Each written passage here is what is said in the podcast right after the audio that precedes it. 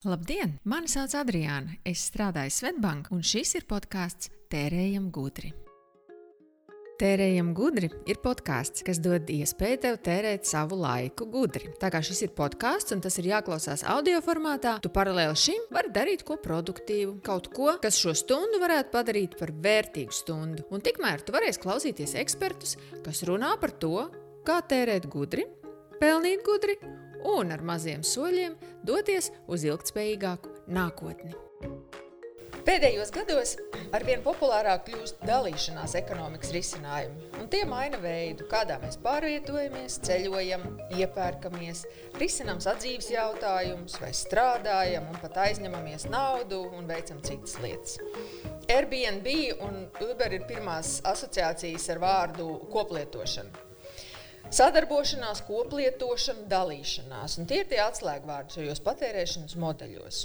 Viena daļa šo ekonomisko modeļu nozīmē preces vietā pirkt pakalpojumu un neapgrūtināt sevi ar mantas uzturēšanu. Piemēram, nevis pirkt pašam savu auto, bet lietot koplietošanas auto, vai nevis pirkt urbmašīnu, lai pieliktu gleznu pie sienas, bet iznomāt to. Un cita daļa šo modeļu palīdz gūt sev papildus ienākumus no sev piedarošām mantām iznomāt dzīvokli turistiem vai pārdot vairāk nevajadzīgās drēbes un mantas. Bet kopīgais visiem šiem modeļiem tie mazina pasaulē vajadzību pēc mantas un padara saražoto lietu lietošanu pilnvērtīgāku, intensīvāku. Un beig beigās, jo mazāk mantu, jo labāk ekoloģijai. Mazāk patērēt dabas resursus un mazāk atkritumu. Bet, lai šādi modeļi iedzīvotos, ar vidas ieguvumiem vien nepietiek. Tāpēc šodienas sarunas fokusā būs cilvēku iegūmi no koplietošanas, patērēšanas pavērsiena. Un mani sarunas biedri eh, šodien ir Līva Jaunozola, kas ir platformas Andele Mandele dibinātāja un vadītāja. Labdien! Māris Avotiņš, transporta koplietošanas uzņēmuma Fiksija dibinātājs un vadītājs. Sveiki!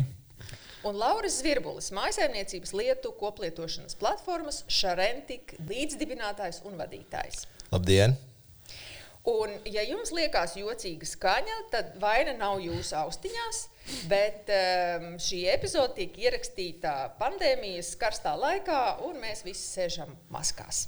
Un vēl divi metri cits no cita. Lūk, es gribētu mūsu sarunu sākt ar jautājumu katram no jums, tādu iesildošo jautājumu. Lūdzu, mums izstāstiet un noraksturojiet, kas tad īsti ir tas biznesa modelis, ar ko jūs nodarbojaties, kas ir tas, ko jūs pārdodat, kas ir jūsu lietotāji. Un es sāksim varbūt ar Šarenti, kas Latvijas sabiedrībai vēl nav tik zināms vārds. Uh, varbūt uzreiz Laura pastāst, kad jūs plānojat iet gaisā un, un, un kas jums ir padomā. Jā, tad mums tā kā slēgtā beta vai, varētu īstenībā pat jau tagad teikt, atvērtā beta vai testa periods būs 14. februārī, bet runājot, stāstot vairāk par to, kas Šrentika ir. Šrentika ir nomas un dalīšanas platforma, kas ļauj cilvēkiem izdomāt preces īstermiņā, kā arī mēs savienojam šos patērētājus ar uzņēmumiem un citiem lietotājiem, kas vēlās monetizēt šos aktīvus. Protams, mājās stāv ļoti daudz mans, kas vienkārši ir neaktīvs, tiek vienkārši krāja putekļus, teiksim tā. Un, mēs piedāvājam cilvēkiem šās mākslas ielikt iekšā platformā, citi cilvēki viņas var izdomāt. Tajā skaitā, tajā pašā laikā mēs piedāvājam uzņēmumiem iespēju izveidot vai paplašināt savējo to, to nomas naudas plūsmu. Un tad idejiski doma tāda, ka, nu, godīgi sakot, ļoti daudz preces, kuras mēs pērkam, mums, mums vispār nevajag iegādāties. Piemēram, ja es dodos uh, kaut kādā sporta pārgājienā, aktīvas pār, atpūtas pārgājienā divreiz gadā, nav īstā finansiālā loģika. Nu, iegādāties to ekipējumu. Mēs varētu viņu izdomāt, teiksim, divreiz vai trīsreiz gadā, kad to dara. Un, uh, tas, ko mēs principā pārdodam, ir uh, to pakalpojumu. Mums ir platforma, iOS un Android uh, platforma, kur mēs nodrošinām loģistiku. Kad cilvēks veids šo pasūtījumu, mēs uh, to, to, to pasūtījumu aizdodam līdz viņa durvīm, aizdodam atpakaļ. Tajā pašā laikā mūsu piegādātājiem, gan lietotājiem, gan uzņēmējiem ir principā Airbnb stila interfejs, ko viņi izmanto, lai tos aktīvus menedžētu. Nākotnē mums doma ir bijusi citādāk. Mēs cenšamies e-komercijā ieviest revolūciju tādā veidā, kad um, kā tas strādā pie pēc gada. Cilvēks atver vaļā šo aplikāciju, viņš dabīgā valodā pie ierakstīt, es vai piecgadīgai meitiņai vēlos norganizēt dzimšanas dienas pasākumu. Un balstoties uz mūsu machine learning modeli, tiktu veikta šī uh, rekomendācija. Cilvēkam tiktu rekomendētas šīs mantas, un jau automātiski mēs viņus savienotu ar vietējiem piegādātājiem, kurš varētu šīs preces nodrošināt. Tādā veidā mēs varam nomu padarīt daudz ērtāku, un vieglāku un dabīgāku cilvēkam nekā mantu iegādi. Tā būtu tā kodolīgā doma par šo renti. Super. Un uh, Latvijā šis jau būs pieejams no februāra vidus. No februāra vidus, jā, tad diezgan ātri mēs. Uh, aiziesim uz Baltiju un tad skatīsimies tālāk. Viss tas, ka Berlīna arī varētu būt opcija uz vasaras vidu, vasaras beigām. Ļoti labi. Paskaidro vēl drusku, tu teici lietas. Mm -hmm. nu, tā tad tu minēji, pieņemsim, tur turismu aprīkojumu, Jā. kāda vēl rakstura lietas. Tu nezini, urbju mašīna, grils, augstspiediena mazgāšanas iekārta, ritenis. Augstsprieguma mazgāšanas iekārta īstenībā ļoti labs piemērs. Mēs pēdējā mēneša laikā vienu savu loģistikas, savu sadarbības partneri, diemžēl viņas tagad nevar minēt vārdā, bet uzņēmums ar astoņu ciparu apgrozījumu mēs taisījām loģistikas testus. Un tieši mums pieprasītākā prece bija kārčera, augstsprieguma mazgāšanas iekārtas un putekļu sūcēji. Patiesībā šajā laikā tā ir diezgan pieprasīta prece. Bet kategorijas ziņā mēs varam paskatīties, kas notiek ārzemēs. Fat Lama, kas ir uzņēmums dibināts Londonā, ko diezgan atbalsties un spēcīgi silikona ielais riska kapitāla fondu. Viņi īstenībā koncentrējas lielākoties uz audio-vizuālo equipment, proti, uh, fotoaparāti, fotoaparātu accessoāri, filmēšanas inventārs, droni un tādas lietas. Mēs drīzāk skatāmies uz tādām ikdienišķākām precēm, lai tas būtu aizvietojums. Nevis lai vienkārši tas būtu substitūts uh, nom, nomai kā tādai. Mēs gribam, lai cilvēki kā, izmanto šo risinājumu, lai, lai, lai, uh, lai tiešām aizvietot, aizvietot iegādi. Nu, Piemēram, man tā tad pagalmā stāv pieķēdēts ritenis. Yeah. Nu, es ar viņu braucu, bet nu, varbūt ne katru dienu no rīta līdz vakaram. Tā tad es varētu ielikt eh, šajā platformā ziņu, ka mans ritenis pieejams arī braukšanai citiem, nu, tur plus mīnus mm. manā tuvumā dzīvojošiem. Tādējādi es varētu gūt kaut kādus papildus ienākumus. Tieši tā. Un, uh, Vēl viena opcija, ko mēs piedāvāsim, ir tas, ja jūs negribat to riteni tuvā, turēt savā mājās un negribat visu laiku ņemties, čakarēties tā piegādē, ka varēs vienkārši to riteni atstāt mūsu noliktavā. Un mēs vienkārši jums to riteni nevajag, teiksim, konkrētā laika periodā atskatīsim to, to, to atdevi, ko mēs esam ieguvuši no šīs manas. Jums nebūs par viņu vispār vairāk jāstrādā. Jūs vienkārši redzēsiet, kā jūs bankas kontā nāk tā nauda klāt. Kolosāli Māris taisīšu sev biznesu konkurējošu ar fiksiju. Hm? Māri, tikai velosipēdiem. tikai ar velosipēdiem. Uh, Māri pastāstīja, nu, fiksiju vārdu mēs esam dzirdējuši, bet mm -hmm. nu, tā, lai viss mēs smuki būtu iepazinušies, Jā. tad, tad fiksijas uh, nu, jau ir mašīnas, uh, skrejriteņi. Un pat busi. Un pat busi. Jā, nu, jā nu, tad, tad, nu, tā mūsu savukārt filozofija nu, ļoti līdzīga. Tā, tā ideoloģija ir tieši tāda pati, ka tu faktiski visas mobilitātes pakalpojumus, kas tev ir nepieciešami, ka tu nevis visas lietas nopērci, nu, tur, protams, krēta mašīna, tur, nu, nezinu, kurš busu vēl pērk, vai, vai, vai, vai divas mašīnas, džipu, teiksim, brīvdienām un vieglo citām dienām, ka faktiski ar laiku Cilvēkam par to vairs nav jādomā kā par lietu, ko viņš pērk, bet viņš faktiski izmanto to visu kā pakalpojumu. Vienu dienu tev vajag mikromobilitāti, vienu dienu tev vajag uh, vieglo automašīnu, nu, un divreiz gadā tev īstenībā vajag pārvest tur sievas mācīt divānu kaut kur. Un tad tu izmanto teiksim, busu. Un, uh, savā ziņā jā, nu, tā mūsu teiksim, filozofija tieši tāda arī ir, ka teiksim, ļaut cilvēkiem atteikties no šī lielākā riskantā pirkuma tūlīt pēc dzīvokļa, kas faktiski ir automašīna, kur tā, tu nopērci nu, kā saka, ar automašīnām parasti cilvēki priecīgi divreiz, tā, viņš nopērk un tā, viņš viņu pārdod. nu, faktiski, lai viņš varētu viņu lietot visu laiku. Un, un, nu, ja mēs tā skatāmies tiešām ilgtermiņā, protams, teiksim, šis ir tāds, kā jebkurai lietai, ir tas starts, kurš, nu, teiksim, teiksim kamēr teiksim, visi domā, kā tas strādās, kā tas būs. Bet, nu, iedomājieties, nezinu, tur nākotnē, pēc desmit gadiem, tu faktiski ej pa pilsētu, teiksim, un tu vari iekāpt gandrīz katrā mašīnā, kas stāv priekšā. Vienu dienu tev gribās, nezinu, tur braukt ar elektrisko, vienu dienu varbūt tev tiešām gribās vēl to džipu izmēģināt, kas vēl ir pieejams.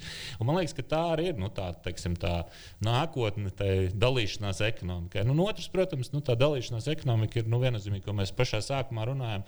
Teiksim, ja mēs runājam par pilsētas centru, labi, tagad mēs runājam liels pandēmijas laikā, kad visi ir ļoti laimīgi. Tie, kas grib kaut kur pārvietoties, bet nu, tas viss pēc gada beigsies. Un, visticamāk, atgriezīsies atkal visi lielie sastrēgumi ka nebūs kur mašīnas nolikt. Tad faktiski nu, teksim, tās koplietošanas mašīnas faktiski aizvieto kaut kādas 4 līdz 8 mašīnas centrā. Jo, nu, ja tu atbrauc no rīta, noliec pārkingā un vakarā brauc prom, tad faktiski koplietošanas mašīna nu, ik pēc pusstundas, 40 minūtēm kāds atkal paņem un kaut kur aizbrauc.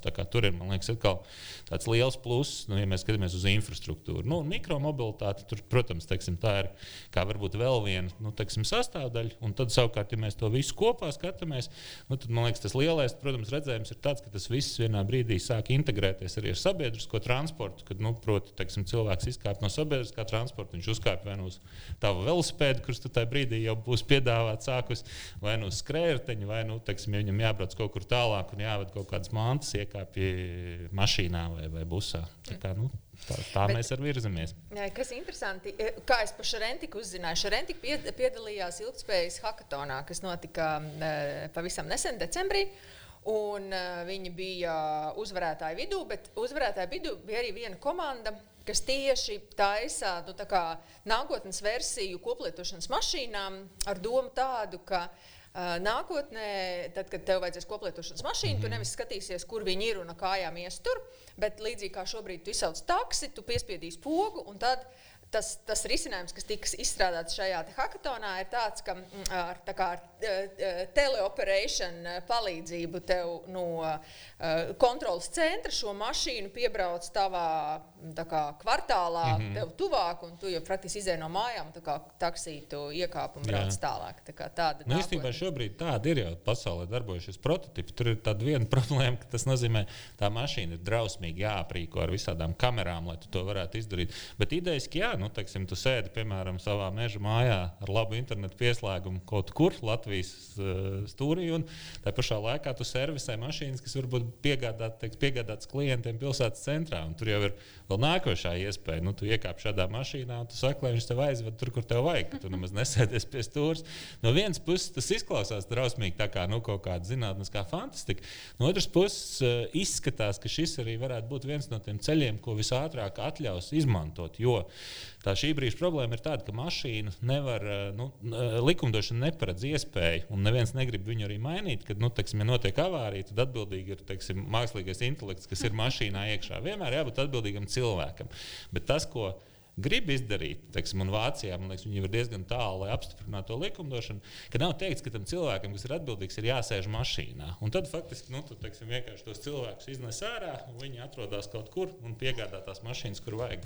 Un tur tiešām, jā, nu, ja mēs tā skatāmies, nu, tas viennozīmīgi ir gan, gan takšiem nākošais solis, gan, gan koplietošanai, jo uz to tas viss aizies. Vienīgais nedaudz tāda jokaina situācija, ja tas cilvēks, kurš tajā brīdī ir ne, nedaudz atpūties un iemalkojis šampanieti, kamēr nu, tā viņa mašīna kaut kur kursē, tad tā atbildība viņam dubultā sanāk. Nu, tā, Nē, esot mašīnā, teiksim, ja tas mākslīgais intelekts vai mašīna, kurai ah. e, pieder nu, īpašnieks, kuram pieder mašīna, kas šobrīd kursē un nokļūst avārijā, viņš tajā brīdī Jā. atpūšas, tad redz, kā tas sanāk krimināls. Nē, nē nu, tur tas vairāk ir tā, ka tas ir pakalpojums, nu, tā kā piegādātājs tev ir, nezinu, tas tev ir 20 cilvēki, kas tev to floti tā kā nu, šādā nu, aprīkot. Tas Nē, lielais pluss tur ir tāds, ka tev tās mašīnas vispār nav jāparko pilsētas centrā. Nu, tad mm. viņas ir mhm. kaut kādos bišķi nostāvokļos stāvokļos, kur viņi trīs minūšu laikā vienkārši piebraukt tur, kur vajag. Ne, man liekas, tā ir ļoti interesanta ideja. Jautājums, vai viņi aizies šādā virzienā, vai varbūt viņi aizies pilnīgi citā virzienā, to jau tikai laiks parādīs. Nu, lūk, bet pirms Latvija iepazina Fiksi, Latvija jau zināja Andeli Mandeli. Jo tā jau ir daudzus gadus, un īstenībā šogad, lai, visu šo gadu laikā tā arī ir attīstījusies. Jo tas, kas Andela Mandela bija pirms vairākiem gadiem, un kas tas ir šobrīd, tas jau ir jau divas dažādas lietas. Mm -hmm. Līva pastāst mums vairāk. Jā, ja mēs runājam par Andeles vecumu, salīdzinājumā jā, ar jūsu projektiem, tad, tad mēs jau esam Omīte. Andelē ir 12 gadi. Šis 12. gads, savukārt Andeles aplikācijai, šis ir 4. gads. Un, un tad es nošķirtu tās divas lietas, kas bija Andele, kas ir tikai klātienes pasākumi, plus Andele online versija, kas īstenībā ir diezgan būtiski mainījusi visas tās kustības jaudu, apmērus un, un, un cilvēku dzīves stilu pirms un pēc online andeles, ja tā varētu nosaukt. Ja pirms tam tie bija klātienes pasākumi, kur dāmas tiekas un iztirgo savu garderobi. Tie norisinājās četras gadā, pārsvarā kaut kādās, nu, te, te, teiksim, Rīgā, Liepājā, un tādas nu, lokāli varēja sapulcināt mm. dāmas. Teikt, labi, Rīgā mēs pulcinājām arī no visas Latvijas. Viņas ar rītu pirmā autobusu ar čemodāniem brauca uz Andeli piedalīties, un pēc tam ar tukšiem čemodāniem atpakaļ. Ja? Tad šobrīd tā, tas online un īsnībā arī Latvijas teiksim, pakomātu servisu attīstība ir uh, iedevusi pilnīgi citus apgriezienus šim šai kustībai, un es viņu sauktu jau tādu. Jau pāris gadus mēs viņu īstenībā saucam par tādu sieviešu reliģiju, jo tā jau ir tāds, nu, dāmām jau meitas, nu, teiksim, ja tie ir pirms, tam sākuma, pirms 12 gadiem piedalījās klātienes pasākumos, dāmas vilka līdzi savas meitas, tad šīs meitas jau tagad jau ir. Nezinu, 18 gadīgas un pašas jau tirgojas Andelē, un teiksim, es jau savām meitām lieku jau tirgoties Andelē. Ja, nu, tas tāds jau, kā lai tu saki, jā, tāda tā kā ir kļuvusi par kustību un reliģiju, ja tā var teikt. Un līdz ar online tirgus parādīšanos eh, tas preču klāsts ir būtiski palielinājies, jo nu, tos klātienes pasākumiem var paņemt tikai līdz drēbes. Tagad mums jau ir, protams, mājlietu sadaļa, kas ļoti forši un patīkami aug. Mēbeles, eh, mobilie telefoni, datori. Tas ir īstenībā, īstenībā ļoti plašs. Mums ir arī grāmatu tirgus, kas tā, tā papētīja tieši vakar tos sludinājumus, ka tiešām ir It īpaši šobrīd cilvēki izlasa grāmatas, tirgo tālāk, un man liekas, tas ir tāds foršs forš kustība ir izveidojusies. Mums ir arī autosadaļa, bet tā varbūt tik ļoti nekustās. Um, Savukārt, riteņi, skrejriteņi, viss, kas paredzēts bērniem, kas ir vieglāk saprotams, tas arī joprojām ļoti labi tirgojās un, un kustās uz priekšu. Un, teiksim, ja no statistikas, tad vidēji mēnesī tiek pārdotas preces nu, uz vērtību 800 tūkstoši līdz miljonus. Tas ir tas, ko es teiksim, saucu, ka tas ir miljons. Uh, vienu miljonu mēs ietaupām, nu, viens miljons maisainiecībām tiek mm. nopelnīts, jeb šo atgūts atpakaļ, un viens miljons tā teikt, tikpat labi netiek iztērēts uh, plaši patēriņa precēs, par jaunu preci, bet tomēr kaut kādā veidā ietaupīt, kaut kādā veidā teiksim, tas aiziet. Jā, tās jauno tāds, preču nu, patēriņš samazinās. Jā. jā, tieši tā. Teiksim tā, jā, tā kā tas tāds. Bet um, interesanti, tu teici, nu, tur, teiksim, mašīnas neiet, un es droši vien iedomātos, nu, ka tur droši vien SS uh, vairāk figurē. Tas man lika domāt par auditorijām. Kā jums šķiet, um, vai, vai Kas īsti ir jūsu nu, risinājuma izmantotāji? Nu, teiksim, demogrāfiski, sociāli, ekonomiski, vai teiksim, tāds apgalvojums, ka tie ir nezinu, jauni kosmopolītiski cilvēki būtu vietā, ja nē, nu jau vairs nē, nu jau um, plašs risinājuma izmantotāju klāsts. Nu, labi, Lauris vēl laikam nezina, kas būs viņa risinājuma mm. izmantotāji. Mums ir hipotēzes. Ir hipotēzes. Jā, pārbaudīts arī dažs. Nu, es teiktu, ka īstenībā te vajadzētu segmentēt šo, šo, šo jautājumu divos veidos. Ir tas uh, termins core early adopter. Tas ir tas tiešām tas kodola uh, lietotājs, kurš sāk kaut ko jaunu lietot no paša sākuma, kuram tas produkts, kuram uzņēmums rezonē, viņa vērtības sistēma, viņa paša identitāte. Ja?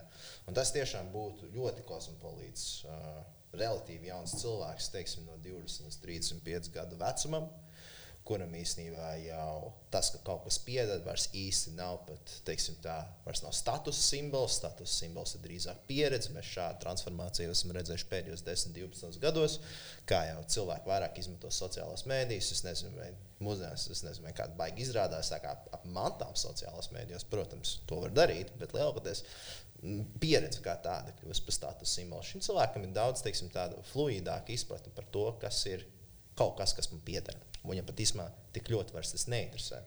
Un tas ir cilvēks, kuram interesē arī ilgspējība, kurš arī cenšas ieviest teiksim, ilgspējīgas prakses savā dzīvē. Un tas ir tas pamatas, tas lietotājs. Jā.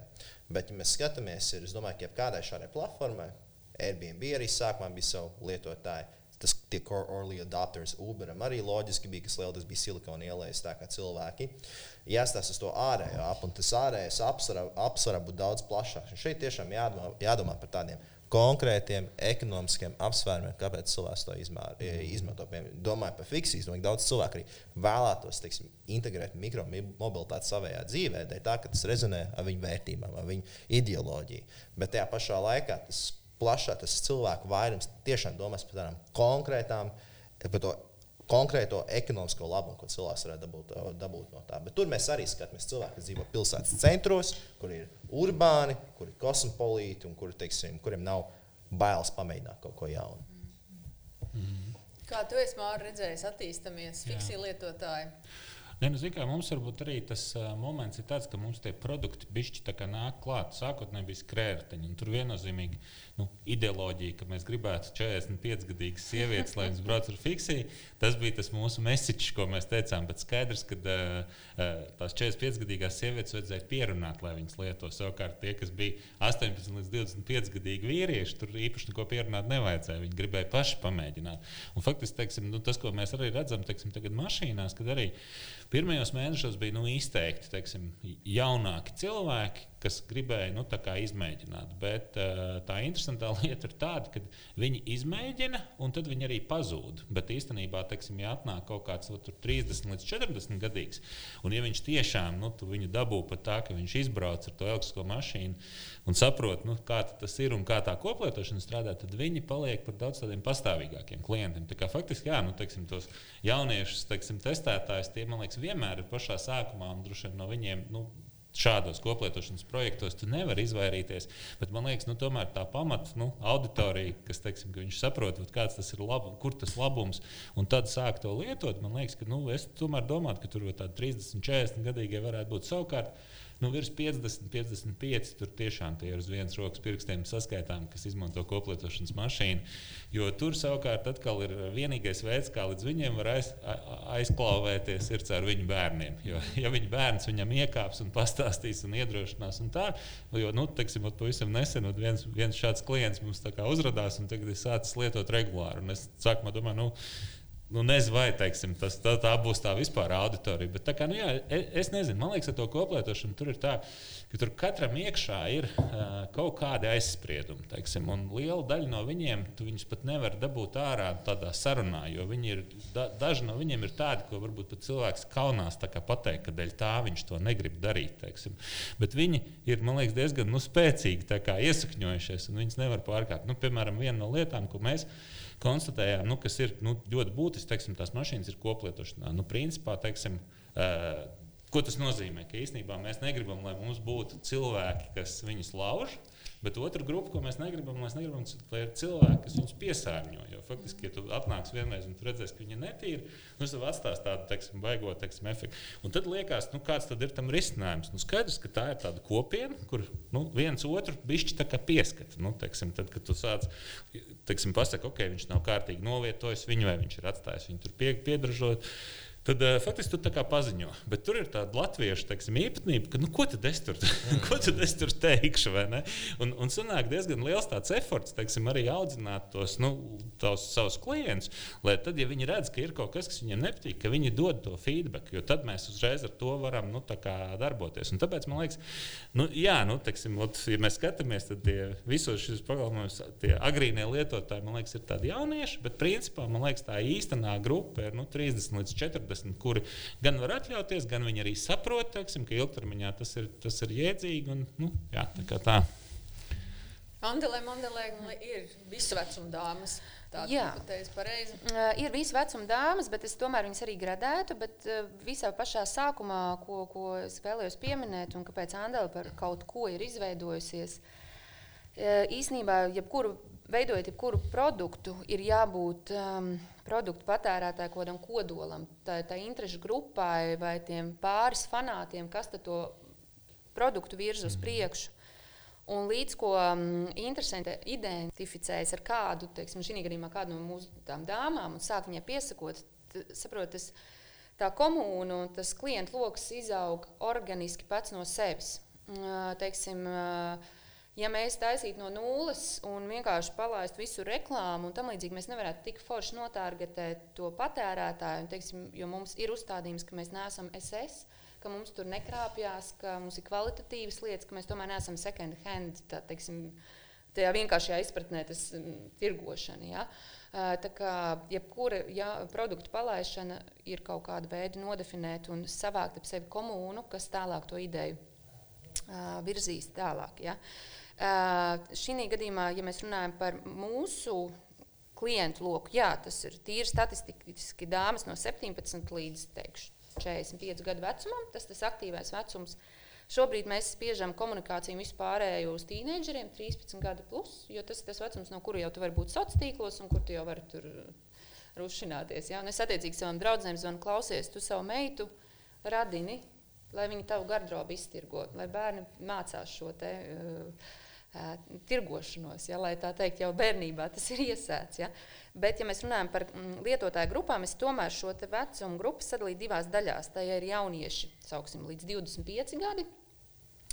Uh, Andela arī šo vecumu arī izveidoja, un es ļoti labi, labi sevi tajā vecumā atceros.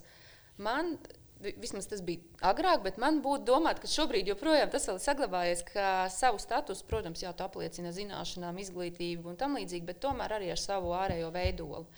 Tas, kas tev ir vajadzīgs jaunībā, meitenes pievērš sev uzmanību, katru dienu jāmaina dress codes, katru dienu tev jābūt interesantai, taču jāieliek Instagramā jaunas bildes, un tev ir svarīgs šis diezgan arī āršķirīgais faktors.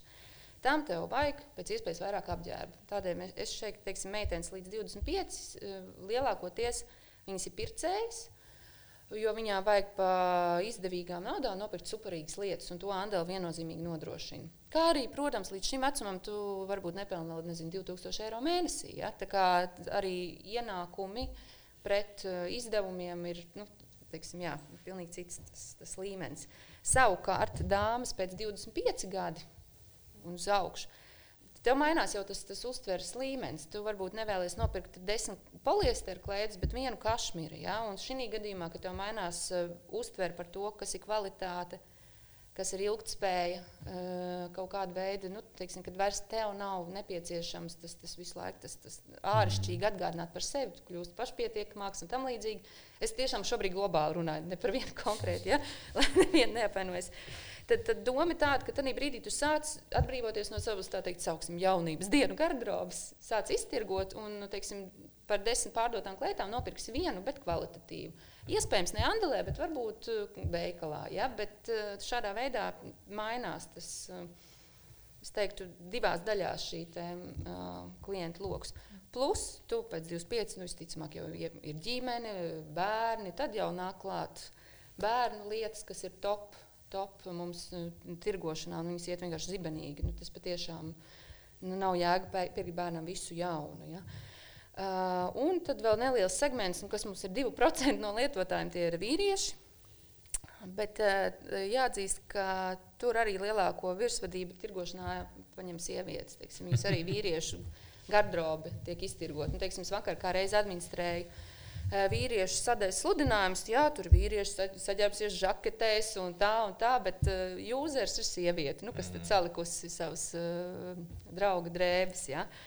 To es arī esmu pamanījis pasākumos, ka, ka meitenes iet stāvot paceltām galvām, vīrieši tā, ka oh, nedodies, lai man neierauga. Ja? Nu, kaut kāds tur tas psiholoģiskais ir savādāks, ka viņi nepārāk komfortabli jūtās, bet uh, mēs mēģinām ar to pamazām nu, šķaidīt. Nu, kaut kā jau tas To, to var īstenībā tikai ar klātienes pasākumiem kaut kā sajust vispār tos, tos klientus un, un tam līdzīgi. Tā kā jā, nu, tā teikt, tagad strādājam uz jaunatni līdz 18. Tas ir mūsu mērķis, lai, lai tā, tā projekta ideja mm. turpinātu. Vai tu salīdzinātu līdz 18, nu, teiksim, tos 12 gadus atpakaļ, un tagad ir tāda nu, sajūta, ka viņi ir mainījušies, ka viņi ir vairāk atvērti tieši šādai nu, iespējai nopirkt. Jā, lietot. es gribētu teikt, ka jaunieši ir mainījušies un jāatzīst, par ko es jūtos patīkami pārsteigti. Viņi vairs nav. Man, man radusies sajūta, un redzot arī mūsdienu jaunatnes stilu, ka viņi vairs nav patērētāji. Viņi ir kosmopolīti. Viņi vairs nav tas, nu, tas kas tagad ir arī modē. Nu, es skatos, un jāsaka, manos laikos tā nebija. Ja? Runāja kā tantīte. Ja? Nē, nu, viņi teiksim, vairāk patērē visu veidu audio, video materiālus, bet ne, nu, tas nav tas, tas shopping, vairs nav tas. tas, tas. Nu, es nevaru pat izskaidrot, bet viss ir tāds maksimāli atturīgs. Ja? Tāpēc mēs uz viņiem mēģinām fokusēties, lai kaut kur nav tas pārāvums, lai tā, tā doma un ideja turpinās tālāk. Ja? Viena lieta no Līves stāstītā, kas man ienāca prātā, ir šī ideja, ka nu, jā, nākotnē varbūt kāds klients vai Andala lietotājs tiešām pārdod šīs desmit preces vai nopirkt vienu kvalitatīvu. Ja mēs mm -hmm. skatāmies uz ilgspēju tādā plašākā, plašākā mērogā, pēdējos pāris gadus var redzēt to publisko kritiku, ko saņēmusi fast fashion industrija attiecībā mm -hmm. uz materiālu sorsošanu, attiecībā uz to, kā šīs drēbes tiek izstrādātas, ražotas šūts. Un savā veidā mēs varam redzēt šo, mm, šo pozitīvo, pozitīvo ietekmi tieši šāda veida darbībai. Arī tādā plašākā mērogā ilgspējībai, arī mm. cilvēktiesībām savā veidā. Jo beig beigās to kašmīru džemperi jau visticamāk nopirks kādā dārgākā bodē nekā, mm. nekā piemēram, HM un Zāra, kas ir vis, vis, arī tie uzņēmumi, kuri visvairāk tiek kritizēti šajā jomā. Mm. Un man arī prieks ir par to, un es vienmēr esmu bijis nu, teiksim, labi materiāli cilvēks. Un, e, es aizvien biežāk redzu, ka meitene saka, hei, nē, es to nepirkšu, es vēlos zīdu. Ja? Es gribu tieši tā, o, ir, ja ir kašmīrs, viņi nopirks arī uh, online par 50 eiro lietotu džemperi. Kamēr H&M džempers par 5 eiro stāv, nevienam viņam nevajag. Ja? Nu, teiksim, mums arī ir kā vecrīgā neliels komisijas veikals. Mm ar uh, top zīmolu lietām, tieši nu, papētīt, kāds ir. Nu, tu reāli redzi ikdienā, ko pērk, ko nepērk. Un tiešām ļoti būtiski ir šīs materiāli. Ar katru reizi aizvien paliek svarīgāk. Un tas man ļoti, ļoti priecē. Mm. Um, Kaut arī mēs šo sarunu sākām ar tādiem nu, tiem, tiem vidas ieguvumiem, ja, un, un ar ilgspēju. Bet um, man teorija ir tāda, ka nu, teiksim, tā ilgspēja kā vērtība, nu, ļoti maz cilvēku būs tādi, kas uz to pavilksies. Tur blakus vajag būt vai nu finansiālajam ieguvumam, vai nu kaut kādām lietošanas ērtībām. Ja, un tad, teiksim, pat, pat tā urbānā leģenda par, par Uberu, ja, kad Garets uh, Kamps izstrādāja Uber šo te, um, servisu principus nevis tāpēc, ka viņam rūpēja vidas jautājumi, bet tāpēc, ka viņš bija neapmierināts ar 800 dolāru samaksu par braucienu ar nomas mašīnu jaungada vakarā. Ja. Um, kā mēs varētu vienoties? Kas ir tie ieguvumi cilvēkam no jūsu servisa vai, vai, vai no jūsu šī biznesa modeļa? Finansiālais ieguvums, nu, mm. neapšaubāmi, vai ne? Nu, no Šarentika puses mēs esam aprēķinājuši izmantot Barclays bankas datus un Pasaules ekonomikas fóruma datus, kad apmēram 3 miljardi ASV dolāru katru gadu tiek zaudēti no mājsaimniecību ietaupījumiem. Tā ir tā, ka viņi pērk uh, preces, ko viņiem vajag tikai īsa termiņā. Uh, nu, viņi tā kā nopērk šīs preces, un viņas principā netiek utilizētas nākotnē. Un tajā pašā laikā mēs redzam, ka 4,5 miljardi ASV dolāru tiek uh, zaudēti no potenciāliem ienākumiem. Gan uzņēmējiem, gan privātpersonām no tā, ka viņi nav spējīgi monetizēt šos aktīvus. Mēs redzam, ka pēdējā laikā uzņēmums sāk piedāvāt šādu iespēju. Tā, tas konkrētais piemērs, ko es visu laiku arī minu, ko es arī, ko es arī Līvais stāstīju pirms šī, šis, šī mūsu kopējā saruna sākās, ir tāds uzņēmums Fat Ja, un tad viņi, principā, viņi tā, tā ideja, viņi piedāvā mazāk pakalpojums nekā mēs, bet tajā pašā laikā mēs esam aprēķinājuši, ka daži no lietotājiem, kuriem iznomā savus mānus ar šo platformu, nu, šī tikai no piegādātāja puses, daži ļoti aktīvi lietotāji var nodrošināt savu mēnešu ienākumus aptuveni pie, nu, Londonā strādā cik 90 tūkstoši mārciņas mēnesī, kas varbūt Latvijā tas skaits vēl liekas daudz, daudz tā kā tāds impactful, vēl lielāks. Londonā pat 10,000 mārciņām, nu tā ir principā jau tā kā investīcijas banķieru sākuma alga. Ja mēnesī to naudu var, va, naudu var iegūt, nu, tā ir diezgan tā kā ievērojami paplašina, kā uzlabot tavu dzīves kvalitāti. Tā kā es, es, Man, manas domas par šādu veidu risinājumiem. Airbnb neviens nesāk lietot tikai kaut kādu nezinu, sociālu, nezinu, kā, ideoloģijas, ideoloģijas vai teiksim, sociāla labuma dēļ. Airbnb cilvēks sāka izmantot, viņš bija ērtāks. Airbnb varēja rezervēt dzīvokli through a three-click system, kas bija īstenībā viņa vienā no pirmajiem pitchrekiem, jeb investoru prezentācijām. Tas viņa tas competitive advantage, ka trīs klikšķos to var norezervēt. Airbnb cilvēks sāk izmantot, jo viņš ir lēts un, lēts, un otrs puses arī Tu pirmo reizi varēji sameklēt naudu, kur viņi iepriekš nebija. Un es šeit arī no, jādomā par to sameklēšanas, uh, sameklētās uh, naudas principu. Tiksim, kādi aktīvi vēl netiek monetizēti, kurus vēl varētu monetizēt. Un mēs, ja mēs cilvēki esam pārliecināti par šo iespēju, mēs jau redzam, kā citos tirgos cilvēki ir pārliecināti par šo iespēju. Tad es domāju, ka cilvēki ienāks, ienāks platformā un viņiem pat par to nedomājot, viņi samazinās to savējo ietekmi uz, uz vidi, ka viņi samazinās savu carbon footprint. Mums nav viņiem tas jāprogrammē. Tā būs dabīga blakus parādība no tā, ka viņi nu, vienkārši iegūst ekonomisku labumu, izmantojot šo mentālu. Jā, mums ir tieši tas pats. Visa pamatā, eh, ko tu arī minēji par Uber piemēru, ko es arī vēlos teikt, ka viss pamatā vispār, jebkura veida šāda veida, jebkurām, jebkurā ideja ir tas, ja tev kaut kas tiešām nenormāli kaitina un besī, tad tur apakšā vajag rakt un tur tu atradīsi to biznesa ideju. Ja? Un, jā, tas tavs takšu piemērs, ja, un Andela bija precīzi tas pats 2007. un 2008. gads, kad bija uh, trakno gadu krīze. Pilna garderobe ar zīmolu drēbēm, visi bija sapirkušies, un, uh, un nav. Un nav neku, nu kā, nu, sievietēm jau organiski gribās kaut ko jaunu nopirkt, tev nav par ko darbi zaudēti. Un mājās skapī reāli iesaldēta nauda. Un es sev nodefinēju toreiz, hei, šis ir, es gribu atsaldēt, skāpi iesaldēto naudu. Ja? Un tas zaļā doma un vispārējais, tas jau, jau tas tagad ir baigi modē piesiet klāt. Mums arī ir aģentūra, kas, kas nu, mārketinga aģentūra, kas, kas nu, liek postus un vispārējo. Viņi saka, nu, spiežam uz to zaļo dzīvesveidu. Es saku, nu, beidz. Nu, visa pamatā tomēr ir finansiālais ieguvums. Nu, ne, neliekuļosim. Skaidrs, ka mēs darām labas lietas un mēs ietaupām. Un, um, šis tiešām ir zaļš dzīvesveids, jo teiksim, viena klēta bieži vien, kas es izsakoju, iziet kaut kādu 3 līdz 5 saimnieču posmu. Tiek pārtirgota. Padomājiet, vienreiz maksā 20, tad 10, tad nākamā atkal nopārdot par 20. Ja? Kā, kāda viņai vērtība uzauga tam vienam apģērbam? To es esmu reāli izsakojis kaut kādā nu, ķēdē. Ja? Būsim reāli, tas ir vienkārši nu, primāri tomēr mm, kaut kāds teiksim, naudas ieguvums. Nu, es teiksim, pagājušo gadu savilku man tāds ekselīts, jā, iet, no, ietirgoju kopā ar bērnu drēbēm 3,5 tūkstošus eiro. Pagātu. Nu, man liekas, pēc forši tā. Mm. Nevis ietirgoju, atsaldēju, atsaldēju iztērēt to naudu. Teiksim, tā.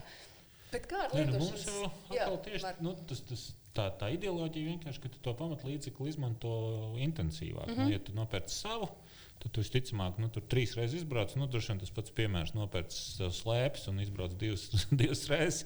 Pēc tam domā, kur lai viņas mājās atkal nobāž. Mm. Bet, uh, bet nu, jā, nu, un, tad sanāks ar to faktiski arī ir tas lielais iegūms. Jo nu, cilvēkam, ka viņš ilgtermiņā teksim, maksās mazāk par to pašu pakalpojumu, ka viņu vajag. Ja mašīna cik viņi tur 2% izmanto. Teiksim, ja tā ir koplietošanas mašīna, tad to procentu var dabūt tur, līdz 30, 40. Teiksim, ja, ja tas kļūst par tā tādu masveidu, nu, ka tā visi viņus teiksim, sāk lietot.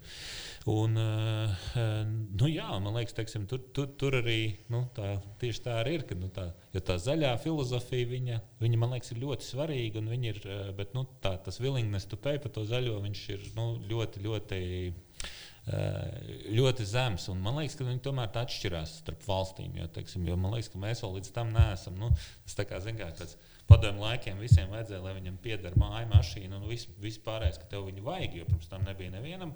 Tad man liekas, šobrīd, nu, teiksim, nu, to cilvēku, kas tiešām savus lēmumus izdara, nu, tad vienalga, kur pērkot vai ko tikai no šī apsvēruma, es domāju, ka viņu nav ļoti daudz, un cik tu esi gatavs pārmaksāt, par to arī nav.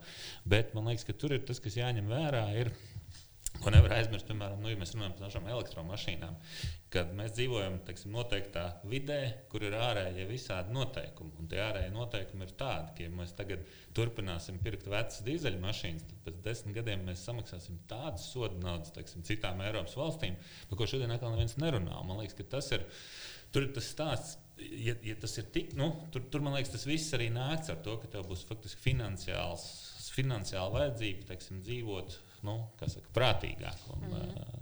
Nu, jā, Šeit vienīgais papildus gribētu pieminēt kā, divus faktus. Kā, mēs, mēs viennozīmīgi domājam, ka jābūt tādai kodolai, tādai finansiālajai atdevei, bet tajā pašā laikā Tas pats Pasaules ekonomikas fórums, viņi vienu pētījumu izlaiž, nekļūst 2018. gadā, viņi, viņi konstatēja to, ka uh, 68% no patērētājiem, kuri dzimuši pēc 91. gada, es piemēram esmu 94. gads, tā kā es varu ietilpt tajā, viņi gatavi maksāt kā, uh, vairāk par šādiem kā, sustainable use solutions. Tas arī ietver mm -hmm. visus šos kā, trīs uzņēmumus. Mēs, nu, mēs esam visus šos mm -hmm. mūsu trīs uzņēmumus ietver šajā kategorijā. Un tajā pašā laikā interesanta lieta, par ko padomā, kas man liekas arī ļoti, ļoti relevants tagad ir, kad tieši, ja nekļūdos, man liekas, tā, tā bija Morgan Stanley, tā banka, kas izdeva to pētījumu, ka 38% no vispārējo patērētāju loku izjūt diezgan izteikts nožēlas emocijas par, teiksim, pirktajām precēm. Mm -hmm. Kas, manuprāt, Jā. arī tagad, ja mēs domājam teiksim, par, par koplietošanu, mēs domājam par cirkularitāti, kas visīpaši izteikti ar Andelu Mandelu, tad tie ir tādi psiholoģiski, emocionālai faktori, ko vajadzētu ņemt vērā attīstošos mm -hmm. biznesa modeļos. Un pēdējā lieta, ko es gribēju pieminēt, ir tas, ka jā, ir jābūt tam, tam, tam value proposition, tas unique selling, pro, uh, selling proposition, ir tas, tas, tas tā finansiālā puse, tas, ka cilvēks var iegūt, cilvēks var ietaupīt, bet tajā pašā laikā, ja mēs skatāmies, kā brendi pēdējos 5-10 gadus operē, visīpaši mēs skatāmies pēc lieliem brendiem kā Nike, jā, ka viņi, teiksim, viņiem konkrēti politiski nostāja, un šī konkrētā politiskā nostāja arī ļauj cilvēkiem identificēties ar šo uzņēmumu un redzēt to kā kaut ko. Kaut ko, kaut kā, kaut ko savēju, tā kā tas būtu savējies, tā kā daļa no, no viņa kopienas. Bet tā jau ir viņa stratēģija, lai pārdotu. Nu, nē, lai tu pirktu bez sirdsapziņas pārmetuviem. Tieši tā, es, pil, es pilnīgi piekrītu. Es, pilnīgi es tur tā, šitos lielos, eh, jā, es saprotu, bet, teiksim, arī tas H&M, jā, viņi tagad ievies. Uh, Uh, ka tu vari noziegt, vienkārši tos visus apģērbus atdot atpakaļ. Bet man liekas, ka tā ir viņu nodeva publiskā nodeva, lai tu justos, eh, kā, nejustu sirdsapziņas pārmetumus to pērkot. Tāpēc es uz tiem lielajiem tur, tur tā.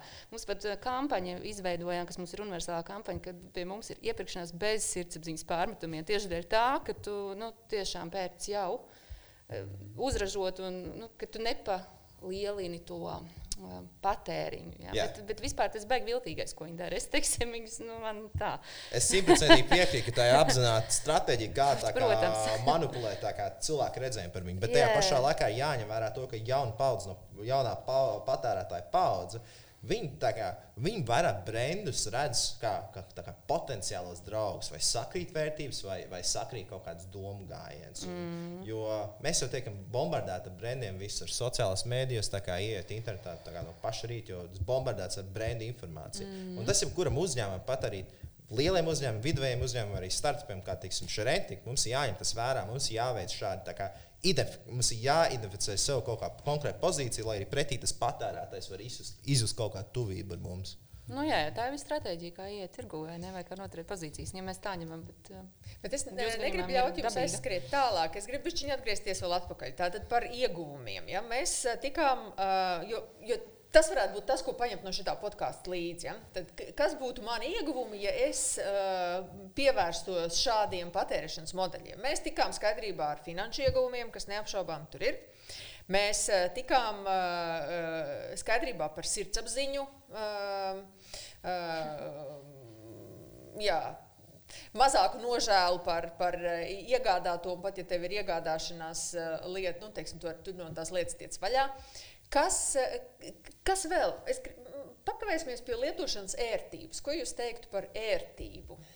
Ja tas ir tas šķērslis pagaidām, vēl, lai izmantotu šīs te, šos te risinājumus.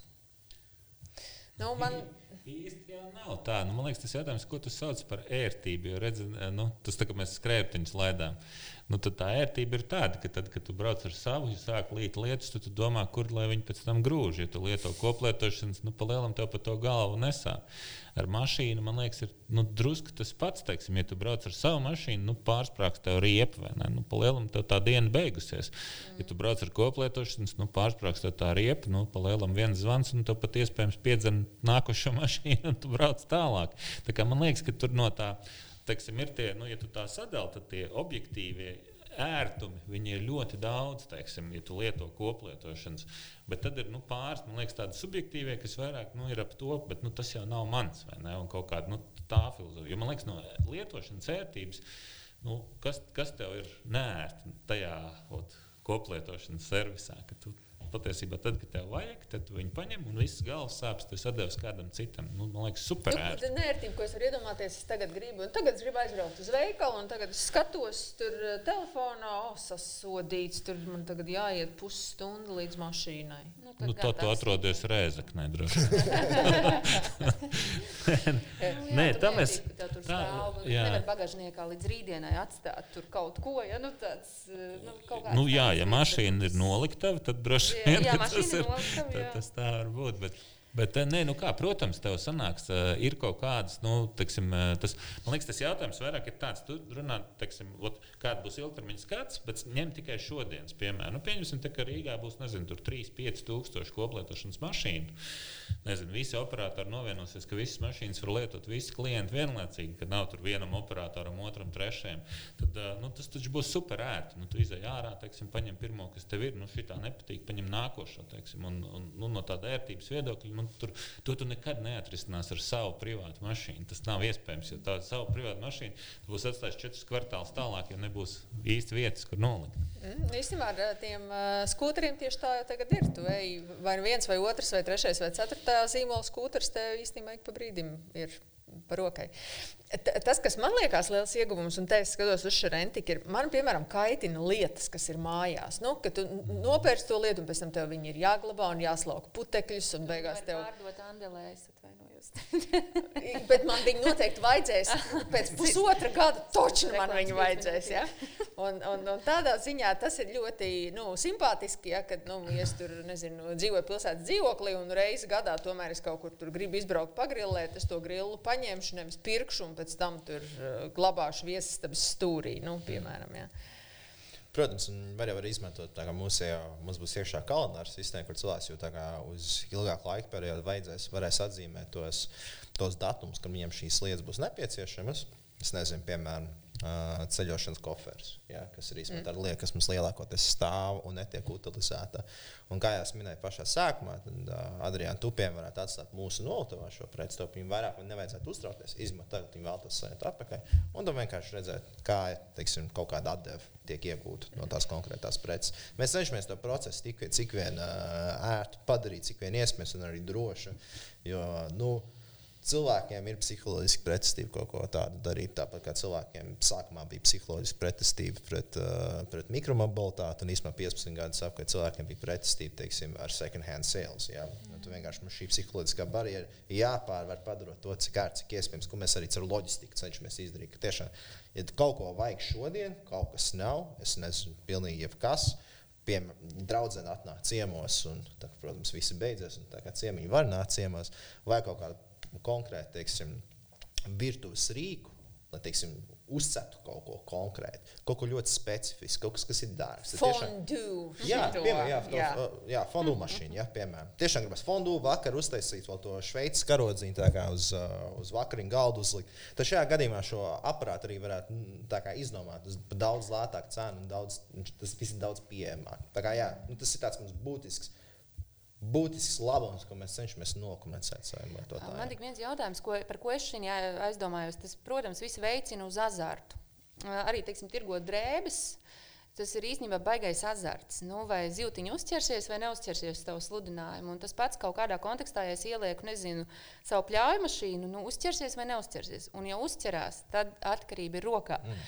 Un tad uh, man būtu domāt, ka kaut kādā kontekstā tas tomēr kaut kādā vilnī veicinās papildus uh, patēriņu tieši šīm precēm. Tie, kas sapratīs, ka hei, es ar šito varu pelnīt, viņi sapirks trīs pļauju mašīnas.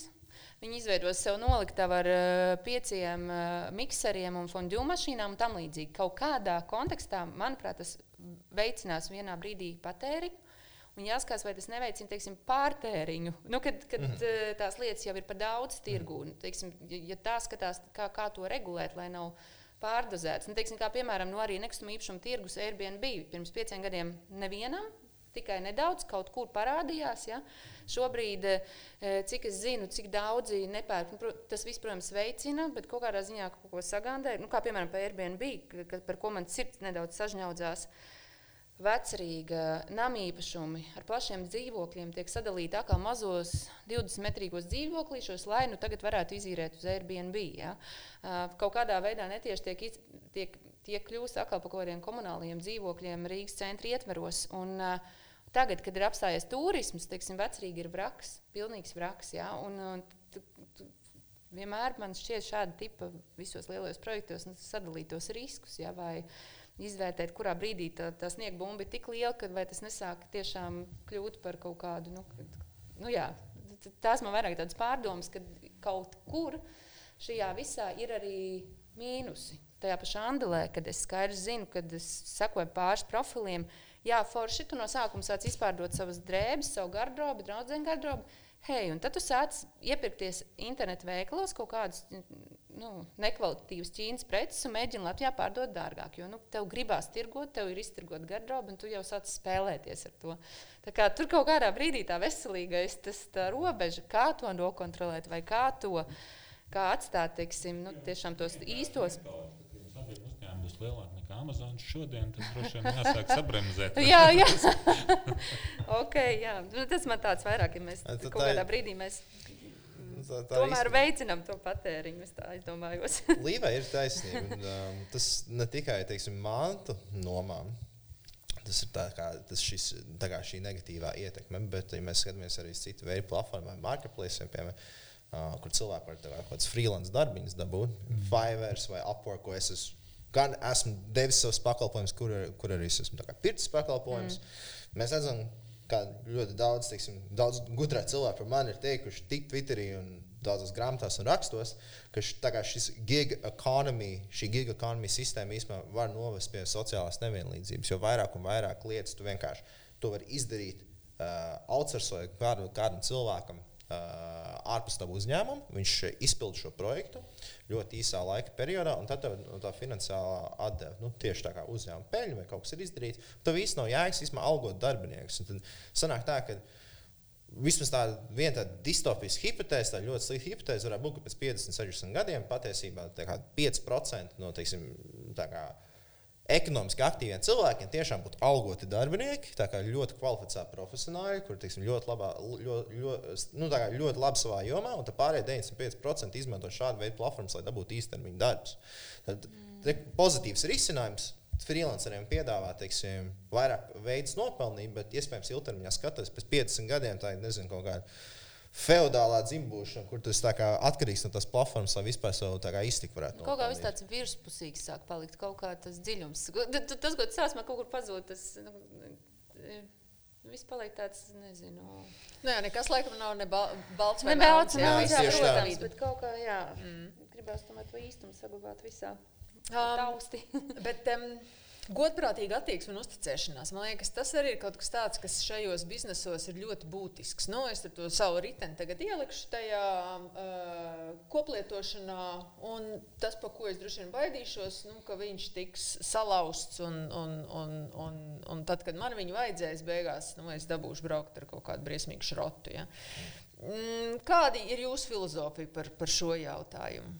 Uh, to vajag nosakt, cik vien daudz, cik iespējams caur tehniskiem, caur tehniskām metodēm, caur produktu, caur verifikāciju. Draudzene darbojas teiksim, Airbnb sfērā jau 7, 8 gadus. Man viņa Latvijā bija viena no pirmajām, un tieši pat divas dienas atpakaļ bija viens konkrēts gadījums ar dzīvokļiem, kur teiksim, tā ir sveši cilvēki, svešiem cilvēkiem tika iedot informācija, kā tikt tiešā šajā dzīvoklī. Viņi pat mm. ielauzās. Ja, viņi pēdējās divas dienas īstenībā staigāja apkārt policijas iecirkņiem, lai šo lietu nokārtotu. Un es pats 7, 8 gadus redzēju, kā, teiksim, cik daudz riski ir pat šādā teiksim, dzīvokļa īstermiņa domas lietā. Kad, Varbūt Airbnb, interesanti tas, ka Airbnb statistiski bieži vien tie cilvēki ir daudz labprātīgāki. Kad mēs runājam par Booking.com vai par citām platformām, viņi nav tik labprātīgi. Un tiešām var gadīties kāds teiksim, cilvēks, kurš baigi nedomā par, par citu cilvēku īpašumu, tad viņu izvandāt, iznīcināt. Bet es domāju, ka tā ir problēma jebkuru, jebkuru teiksim, tādu sharing economy, circular economy platformu. Piemēram, par fiksijas var iedomāties, ka kāds cilvēks varētu iekāpt iekšā galīgi jaunā mašīnā Un, piemēram, es nezinu, košļiem pielipināt koli, apliet, teiksim, krēslu, un tas uzreiz atstāja kaut kādas mm. zaudējumus. Tāpēc ļoti, ļoti svarīgi ir tas, ko Mārcis minēja īstenībā desmit minūtes atpakaļ, ka šī konstanta feedback sistēma starp Tā visiem lietotājiem var to cilvēku izmest ārā tajā brīdī, kad viņš uzvedās nepiedienīgi. Tā. Tāpēc tas Airbnb arī ir nu, tā, tādā ziņā pieklājīgāk cilvēki nekā ja viņi paņem to pašu īpašumu. Tas, ka viņas izmetīs ārā. Jā, viņam ir reitings. Tieši tas, tā. Tas ļoti reitingu sistēma ir vienkārši, manuprāt, labākais. Andele arī tāda ir. Jā, jā uh -huh. tas ir arī tas, kādēļ mēs šo, jo tas ir, un es redzu, kā meitenes par to satraucās. Kāpēc man ielikt tikai četras zvaigznes? Tad sūta administrācijai, hei, es tomēr apstrīdu šo vērtējumu, jo es uzskatu, ka es visu pildītu labprātīgi. Tā kā īstenībā. Uh, Vismaz es nezinu, kā ir ārzemēs tajā auditorijā, kur cilvēki dzīvo anonīmāk, kur ir lielākas cilvēku masas, kur tu esi vairāk viens, kur tev ir vairāk viena alga, ko par tevi domā. Latvijā ir diezgan būtisks cilvēkam vispār, ko par viņu domā, jo visi viņu pazīst. Mēs esam īstenībā ļoti maza komūna visas valsts teiksim, apmērā. Ja? Un tās atsauksmes ļoti būtiskas. Tādā ziņā mēs, kā šādu platformu patērētāji, manuprāt, esam ļoti tādi. Nu, Godprātīgi un lielās kompānijas par mums varētu priecāties. Nu, teiksim, tā ir ja tā ņemta. Tā kā, nu, tas, tas, tas ir būtiski šie visi reitingi. Tas Jā, ļoti daudz liekas, ko. Nu, vienkārši papildināt, man liekas, ka tā, nu, tā mana atziņa par to koplietošanu, nu, jebkādā teiksim, veidā, ir tāda, ka tur viņi nekad ne, nedarēs 100% visiem teiksim, iedzīvotājiem. Jo nu, teiksim, tur, tur tas svarīgais ir kad vienalga, vai jūs esat kā platformas kā turētāji, ka jūs arī veidojat tos klientus, kas viņu lieto. Audzina nu, kaut nu, jā, kādā tur, kontekstā. Tur viss sanāk tas stāsts, tā kā, nu, tā kā plus mīnus ģimene, teiksim, tie, mm -hmm. kas tur lieto. Jo, nu, ok, viens varbūt visu laiku ir jāsaka, dar, dar tā, un tad arī var izvairīties no tā, ka Adrians saka, ka tāds velospēds atnāk, nu, tad viņš arī atnāk, nu, tā kā normāls, nevis viņš atnāk tur pilnīgi salauzts. Un, tāpēc, ja tu, nu, teiksim, ja, jo mums ir, nu, tas, saka, tas, tas ne, nekādu beigo noslēpumu nepateikšu neteikšu, bet mums ir vairāki simti cilvēku, kas ir atslēgti par agresīvu lietošanu. Mm -hmm. Un, uh, nu, teksim, ja tā vienkārši skatās, nu, pirmie, pirmajos mēnešos bija nu, daudz visādi piedzīvojumi, tieši kas nu, bija kā sekas tam, kad nu, agresīvi teksim, lietoja. Un, nu, tagad, fut, fut, fut, bet nu, teksim, kaut kādas trīs mēnešus ir. Nu, teiksim, jā, ir, ir mainījusies, ir palikusi drusku vecāka tā klienta bāze. Jā, viņi ir bijuši piešāvušies, bet, eh, bet, eh, bet tas galvenais man liekas, ir, jā, ka nu, tur izdevies tikt vaļā no tiem, kas, nu, kā, oh, tas jau nav mans ritenis, tad jau es viņu varu braukt, teiksim, kā, kā, kā nu ir. Un, ja tu sāc domāt par to, ka, nu, kā tu atstās to savu riteni tādu pašu dabūs nākošo, nu, tad īstenībā tā mirklī tā, tā kaut kā tur tas klikšķis ir, jo pa lielam. Uh, Ja tu to mašīnu atstāji, teiksim, kaut kur tur, nezinu, iedzen pagalmā, neviens viņu nevar atrast, nu, tad nākošais reizes pa lielam, nu, tu, tu viņu nevarēsi atrast. Mm -hmm. Tā, tu viņu Karma. gribēsi ņemt, ja tu viņu atstāji, nezinu, tur pie, piedra, piedrazot. Nu, visticamāk, nākošais atnāks. Un vienu, divas reizes, tu, protams, centies tos cilvēkus aucināt, bet pa lielam, nu, tomēr mūsu funkcija nav nodrošināt pilnīgi visiem. Un, ja tu redz, ka viņš neiedarās tajā, mm -hmm. nu, teiksim, nezinu, klientu profilā, kādus tu gribi redzēt, tos savus lietas, tad nu, vienkārši jā, nu, diemžēl, bet nu, teiksim, viņš nevar teiksim, darīt. Tas droši vien tas pats būs gan ar īrējot teiksim, visus šos instrumentus, vai arī pērkot, pārdodot drēbes. Un es gribētu pieminēt, ka īstenībā šie klienti ir vajadzīgi. Visi šie sliktie klienti, viņi pirmkārt audzina arī tevi. Un, uh, viņi parāda tavā sistēmā tos caurumus, kas tev ir eh, jānovērš, kur ar reitingu kaut kas nav kārtībā, kur kas kā. Eh, tas tāpat kā tā, mēs palaidām portālu, pirmais, ko mēs darījām, mēs pasūtījām hakeru uzbrukumu.